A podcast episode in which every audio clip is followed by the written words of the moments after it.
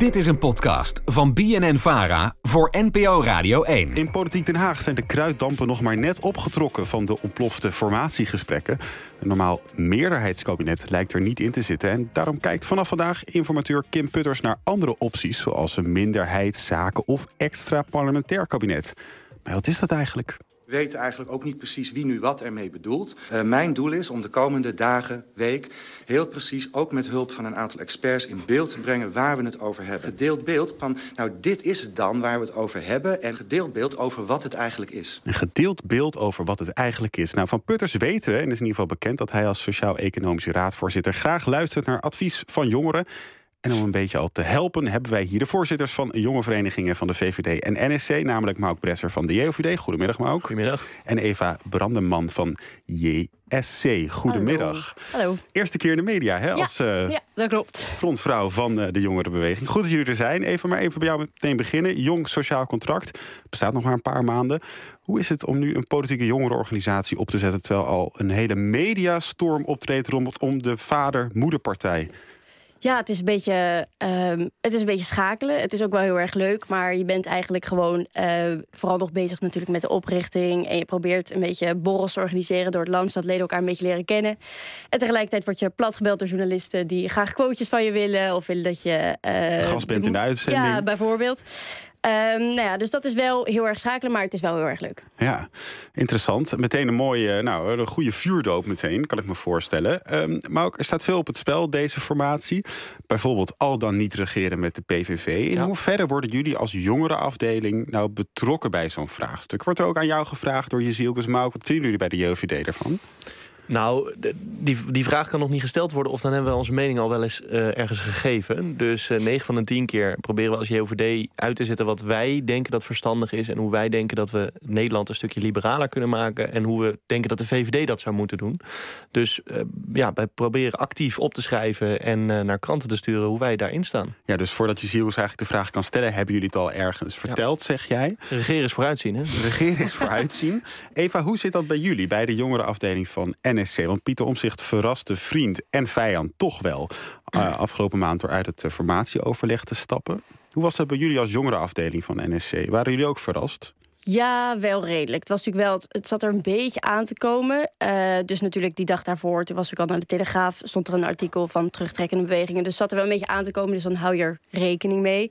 Maar het is niet zo dat we dan van tevoren worden gebeld door Pieter... die zegt van, de, yo, we gaan er nu uit of zo. Dat is het niet. Mm -hmm. Dus je ziet het dan gewoon langskomen. En dan, um, nou ja, we hebben nu twee bestuursleden. Dus dan bellen wij gewoon samen van... oké, okay, wat gaan we hiermee doen? Moet er een statement komen, ja of nee? Uh, dus nee, het is niet dat we van tevoren op de hoogte worden gehouden. Dat is dan meteen de actiestand. Wat was de eerste woorden die jullie tegen elkaar uitspraken als bestuursleden? Zeiden jullie uh, jeetje mina? Of was het van, oh, gelukkig, ja, we zijn was, uit de formatie? Het was meer een beetje van, uh, oké, okay, uh, vet. Ja, een beetje zo, ja, wat, je moet er nu vet iets mee gaan vet doen. Dat het, dat het geklapt is, of vet? Ja, het is een beetje gewoon vet van, oké, okay, nu soort van doe je er echt toe of zo, weet je wel. Nu ging het Ja, ineens ja. een stroomverstelling. Want tot nu toe was ik altijd heel erg uh, radiostilte en je wist er niet zoveel van. En nu in één keer kwam dat naar buiten. En toen had AD natuurlijk al best wel snel uh, de brief en best wel een groot verhaal. Dus toen was het van, oké, okay, ja, nu kunnen we er iets mee. Dus Ja. nu kunnen we ermee gaan werken. En dus ook meteen eh, die leden in het land optrommelen om bij elkaar te komen. Misschien ook al van de jongere afdeling. RTL Nieuws tegen RTL Nieuws eh, zei eh, jij volgens mij zelf dat het communicatieproces beter had gekund rondom eh, deze stop van de Was je verder wel het eens met de stap die omzicht nam om de gesprekken in ieder geval stop te zetten? Nou ja, als je op de duur niet meer verder kan, dan heeft het niet zo heel erg veel zin dat je dan wel nog een soort van. eh, Vond jij dat het ook niet meer verder kon? Nou ja, ik ben niet bij die gesprekken geweest, maar op basis van de informatie natuurlijk die eh, we hebben gelezen, die we hebben gehoord, was het gewoon eigenlijk al wel in januari was het helder van eh, we komen er samen niet meer echt heel erg uit. Eh, nou ja, toen zijn ze nog wel doorgegaan. Eh, maar dat is vrijdag natuurlijk ook bekend geworden Mhm. dat dat uiteindelijk ook niet per se nodig was. Maar goed, ze zijn doorgegaan. Ehm, dus ja, op de duur kan je dan. Ik denk dat het, eh, die financiële stukken, dat was een beetje zeg maar de druppel. Dus toen was het van, nou ja, dan Mhm. heeft het voor ons nu geen zin meer. Dan is de ronde nu klaar. Eh, dus dat, eh, ja, dat begrepen we wel. Mark Bresser, JOVD, eh, de jongere afdeling van de VVD. Bij de VVD klonk frustratie over wat er gebeurde begin deze maand rondom de formatie. Was jij ook gefrustreerd als jongere afdeling? Nou, ik denk gewoon dat dit niet heel handig was om het op deze manier te doen. Eh Dylan heeft zelf laten zien... Wat is deze manier dan precies? Nou, door eerder met journalisten gaan, te gaan zitten... dan tegen je gesprekpartners te vertellen wat je gaat doen. Het is eigenlijk uh, vergelijkbaar met de, de stap die Dylan heeft genomen... van ik ga gedogen, nog voordat de verkenner was benoemd... en alle uh, partijleiders met elkaar in de zaal zaten. Dit is precies hetzelfde. Alleen nu, en daarom vind ik dit best een, een kwalijke zet. Nu, is, uh, nu ben je maanden met elkaar aan het praten. Ben je met, met elkaar naar een, naar een oplossing toe aan het werken. En zonder dat in acht te nemen zeg je... ja, ik stop ermee, ik ga nog met journalisten zitten. Ik neem even de auto van de informateur mee. uh, en, uh, en ik vertel mijn verhaal. En dan moeten die mensen het maar lezen in, in de krant. En dan vervolgens vluchten naar Enschede. wat kan hè, als je je niet goed voelt. Maar dat, dat heeft zo'n ja, breuk weer in de vertrouwen. Uh, in, in de Terwijl je ook zou kunnen zeggen, nou, er werd even ruimte, rust ingebracht om te praten over de rechtsstraat, over financiën. Maar dat was al gebeurd jij, jij zegt eigenlijk dat daar waren die weken al genoeg voor. Ja, en zeker um, de, de, de schatting die er is gemaakt over die financiën is best wel overtrokken. Want je vraagt aan iemand wat zijn de meevallen, wat zijn de tegenvallers die je kunt verwachten? Wat moeten wij meenemen in het proces? Ja, niemand gaat dan opzeggen, nou dat valt wel mee en uh, wij, kunnen, we hebben niet zoveel geld nodig. Want dan, oh ja, dat is makkelijk, kunnen we daarop mm -hmm. bezuinigen. Dus dat is natuurlijk niet meteen een reëel beeld van die financiën. En dus ook een beetje vroeg. Hm. Dus deze manier, ik hoop eh, dat ze er uh, met elkaar uh, uitkomen. Uh, en dat er in ieder geval een kabinet gevormd kan worden... maar dat die financiën een probleem zijn, dat snap ik wel. Want als ik kijk naar wat er in de JOVD speelt... dan maken ook heel veel JOVD zich zorgen. Want die zijn gewoon bang dat ze de rest van hun leven... Uh, vier tot acht jaar BBB-PVV-plannen aan het afbetalen zijn... die totaal onverantwoord zijn. Interessant, praten we zo meteen over door. Nog even naar uh, de NSC, want afgelopen vrijdag kwam de partij bijeen... om te praten over de stap die Omzicht had gezet. Was je er zelf eigenlijk ook bij, Eva? Ja. ja. Hoe was het?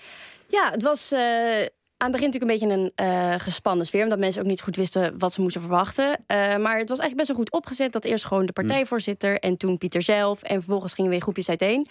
Uh, en iedereen. En hoe lagen de verhoudingen? Was iedereen het ermee eens? Was het een 50-50? Wilden mensen dat het doorging? Waren mensen blij met de keuze dat er gestopt werd? Ja, de mensen die ik heb gesproken, die hadden wel dan bijvoorbeeld inderdaad wat Mauk ook zegt, vragen over een beetje het proces. Hè, van moest het nou wel allemaal zo? maar die dachten wel gewoon van, nou ja, het verhaal dat wij net hebben gehoord. Namelijk dat het gewoon een beetje de druppel was die de emmer deed overlopen. Mm -hmm. En dat het toen was van, nou ja, het is, het is voor ons nu klaar. Uh, dat begrepen de mensen wel. En natuurlijk zijn er een aantal mensen die graag wel zien dat het met de PVV gaat... of uh, graag helemaal niet, maar die blijf je houden. Maar ik heb wel het gevoel dat we ja. door de gesprekken die zijn gevoerd... wel dichter bij elkaar zijn gekomen als partij. Interessante vraag die misschien vrijdag wel beantwoord werd bij jullie. In ieder geval nog groot boven deze formatiegesprekken hangt. Is de vraag, hoe ziet dan een extra parlementair kabinet eruit? Pieter Omzicht die zei daar afgelopen vrijdag zelf het volgende over. Daarom vonden we het in ons verkiezingsprogramma al wenselijk om een minderheidskabinet te hebben. Dat op zoek moet naar steun in de Tweede Kamer. Dat betekent dat een kabinet met overtuiging haar eigen plannen moet verdedigen met mensen die niet automatisch steunen. En meer rekening moet houden met meerderheden. Ja, Mark Bretser van de JOVD, rijmt dit ook met jouw beeld van een minderheidskabinet, van een extra parlementair kabinet? Nou, ik denk dat het heel riskant is. Want je kunt ervoor zorgen dat op elk moment over elk onderwerp uh, de, de, de politiek in, in, in chaos kan worden gestort. En daarmee het landsbestuur weer stil ligt voor een onvoorzienbare periode. Dus ik denk dat zo'n minderheidskabinet, zoals hier gesuggereerd wordt, gewoon heel onverstandig is. Want dan kun je door op elk willekeurig moment, op elk onderwerp, kun je als kabinet worden weggestuurd. Hoe kijk jij daarnaar, Eva? Zie jij dit als een goed idee? Wat, ja, wat is eigenlijk het verschil met een meerderheids, normaal meerderheidskabinet? Nou ja, het ding aan het minderheidskabinet is natuurlijk dat de Tweede Kamer uh, meer macht heeft. En dat is natuurlijk ook een beetje waarom het standpunt zo geformuleerd is. Dat gewoon als je een minderheidskabinet hebt, heb je een aantal partijen. Um, in de Kamer die zeg maar een beetje de dienst uitmaken. En op zich heb je wel een punt dat je zegt van ja, het land kan dan heel snel op, op één punt dat het dan is van ja, dat doen we helemaal niks meer. Maar ik denk het moment dat uh, partijen daar gewoon dat je daar uh, constructieve afspraken over maakt, dat dat best wel zou kunnen werken. Maar mm. dat is voor ons niet, we hebben niet per se een uitgesproken voorkeur van zo'n kabinet moet het worden. Maar wel dat er een keuze moet worden gemaakt in welk kabinet NSC voor zich ziet. En dat ook goed gecommuniceerd wordt naar de buitenwereld. Ja. Dat je met een goed verhaal komt. En de JOVD, welk kabinet zien jullie voor je? Is dat een kabinet waar Wilders bijvoorbeeld premier is? Nee, absoluut niet. Um, wij kijken eh, inhoudelijk naar wat mensen te bieden hebben... vanuit welke rol je iets doet, van wat je wel en niet kan. En de, de rol als oppositieleider die uh, Wilders de afgelopen twintig jaar heeft gespeeld... disqualificeert hem voor een premierschap. Je kunt niet met de uitspraken die hij heeft gedaan... op die manier een premierschap gaan invullen. En daarnaast is een premier ook ons boegbeeld naar buiten toe. Is het iemand die partijen moet samenbrengen... die de boel moet aansturen, die naar het buitenland gaat... om hm. een lijn uit te zetten. En ook voor onze internationale internationale positie zou het funest zijn. En iemand die de dingen heeft gezegd die heeft gezegd... die toch ondermijnend kunnen zijn voor een gevoel van een rechtsstaat... een gevoel van een maatschappij, is gewoon heel gevaarlijk. Nou, die boodschap is duidelijk aan Jezrokus ook. Dank voor jullie komst naar de studio. Mauk Bretser, voorzitter van de JOVD... en Eva Brandeman, voorzitter van de JSC... de jongere organisaties van de VVD en NEC.